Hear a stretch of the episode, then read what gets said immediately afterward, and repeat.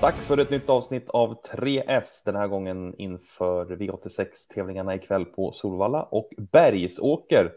Och med mig har jag Linus Eriksson som ska hjälpa till att gå igenom rubrikloppen där. Hej Linus, hur är läget? Tjena! Jo, det är bra. Eh, lite seg efter en intensiv påskhelg, men eh, nu är det V86 och då taggar man till igen. Ja, det är härligt. Ska vi se om vi kan ha nya träffar på rubrikerna. I eh, V75 3S i söndags på Romme där, så ja, då gick ju rubrikerna in där. Ja, det var väl full pott på alla. Vi, vi hade ju spiken på Unico Broline som stod för en femstjärnig insats och vann från ledningen.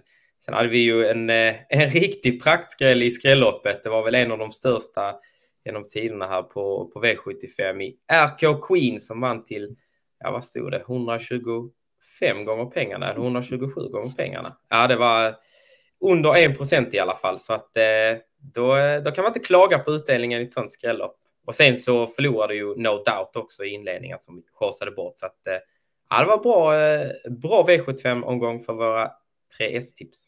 Mm, då ska vi se, då ska vi dra igång och gå igenom rubrikerna till V86 då, se om vi får samma träff ikväll som vi fick i söndag. Så vi börjar med spiken.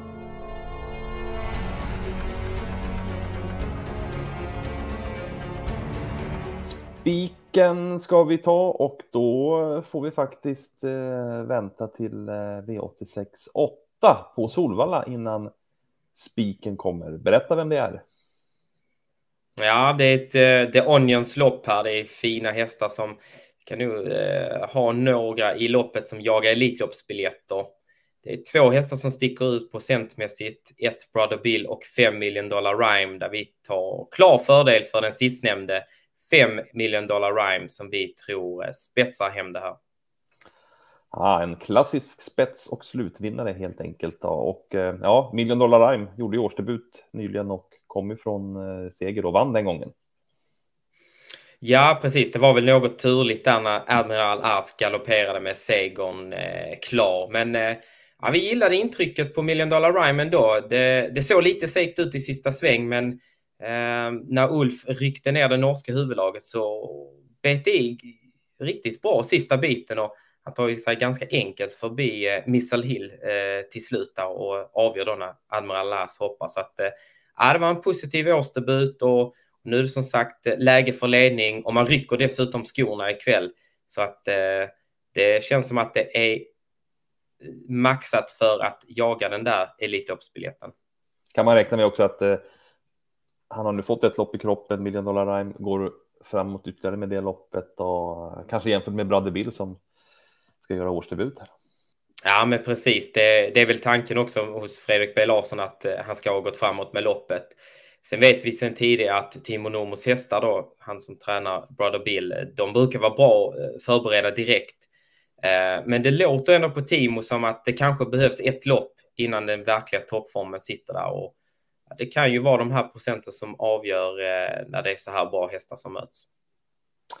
Bra, då har vi spiken klar, spets och slut på eh, 5 million dollar rhyme i V86 8.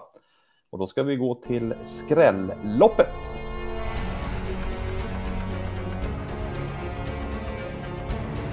Skrälloppet, då ska vi gå till Bergsåker V86 tredje avdelning. Det är ett kallblodslopp och där är ett Laggaprinsen hårt betrodd.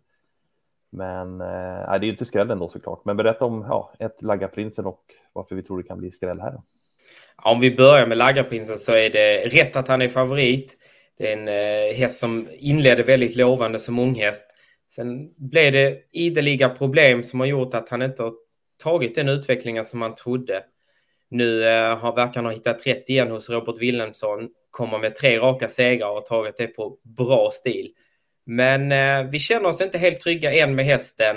Han har visat lite knepiga tendenser tidigare och eh, senast vann han visserligen från ledningen. Han låg, såg ut att ligga på en del i loppet och ja, det var kanske inte det intrycket man ville ha när man testar att köra i ledningen. Så att eh, innerspår på det här, snabba hästar utvändigt, en galopplysten häst som dessutom har visat lite heta tendenser. Det köper inte vi till över 40 procent. Nej, och då eh, finns det ju skrällhästar att leta. Vilken skrällhäst ska vi främst lyfta fram här? Ja, främst vill vi lyfta fram sju Backhammer som eh, har, lite, har lite fräschörproblem till och från, men är väldigt bra för klassen när han eh, väl står på fyra fräscha ben. Ehm, kommer ju lite från uppehåll nu här, blivit tillfixad.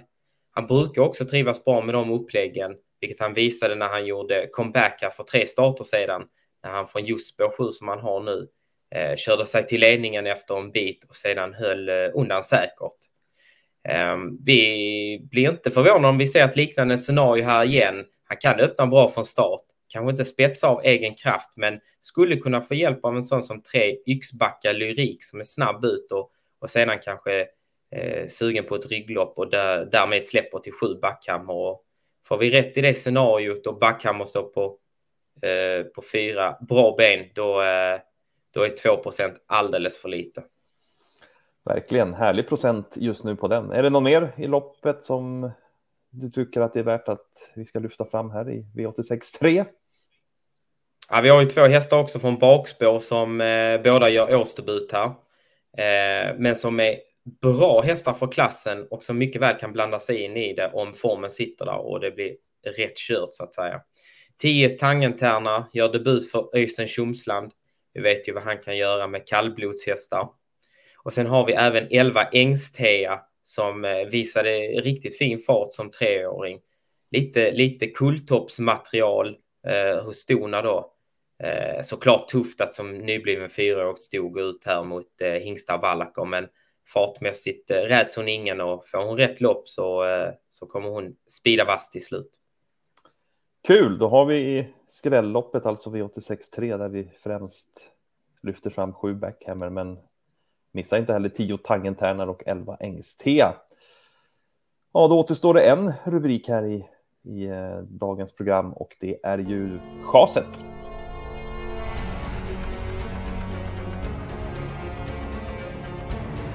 Då är vi framme vid den rubriken där eh, vi tycker att en häst har blivit för hårt betrodd i omgången.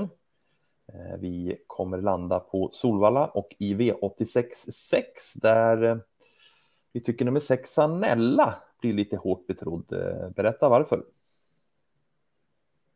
Ja, vi kan väl börja med att säga att det är ett eh, öppet lopp även för oss och vi ser ju också att spelarna har lite svårt att reda ut här vem som ska vara favorit. I nuläget är det dock eh, sex Anella och vi har väl lite problem med att hon ska vara favorit måste vi säga. Hon, ehm, hon galopperade ju i debuten för Daniel Redén här, gav ett lite knepigt intryck, Eh, även om man från stallet säger att galoppen var en olyckshändelse.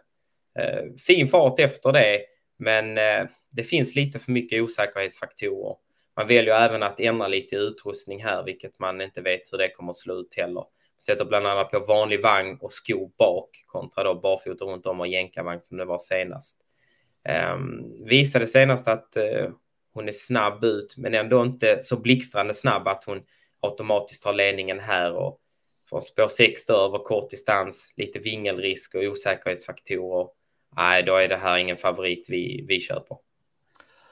Nej, vi har ju rankat henne en eh, liten bit ner där och eh, har ju en annan tipset. Alltså, du får berätta vilken vi tror mest på i loppet då. Ja, vi tror en hel del på 10 Take This Society en eh, fyraårig hingst här från, eh, från stall Frode Hamre i Norge som har gjort det riktigt bra i Norge och eh, vann bland annat på en 11-tid, 11 och 2 över kort distans i höstas. Har visat riktigt fin fart, trivs över den korta distansen och eh, ja, han har visserligen inte startat på ett tag här, men eh, vi tror väl inte att eh, Frode Hamre skickar hästen hela vägen till Solvalla om formen inte är i ordning skulle kunna komma igenom bra här med tre Zac Bris som kan öppna bra och klaffade sedan på, under vägen så eh, ja, då tror vi han kan dra det längsta strået. Mm. Spännande. Ska vi se hur det går med dem ikväll. Och då har vi gått igenom loppen som vi hade och eh, sammanfattar V86-rubrikerna så här då med spik på 5 million dollar rhyme i V86 8. Skrälloppet V86 3. där eh, vi främst lyfter fram 7 Backhammer som en skräll. Och så chaset då, det blir ju nummer 6 Sanella i V86 6.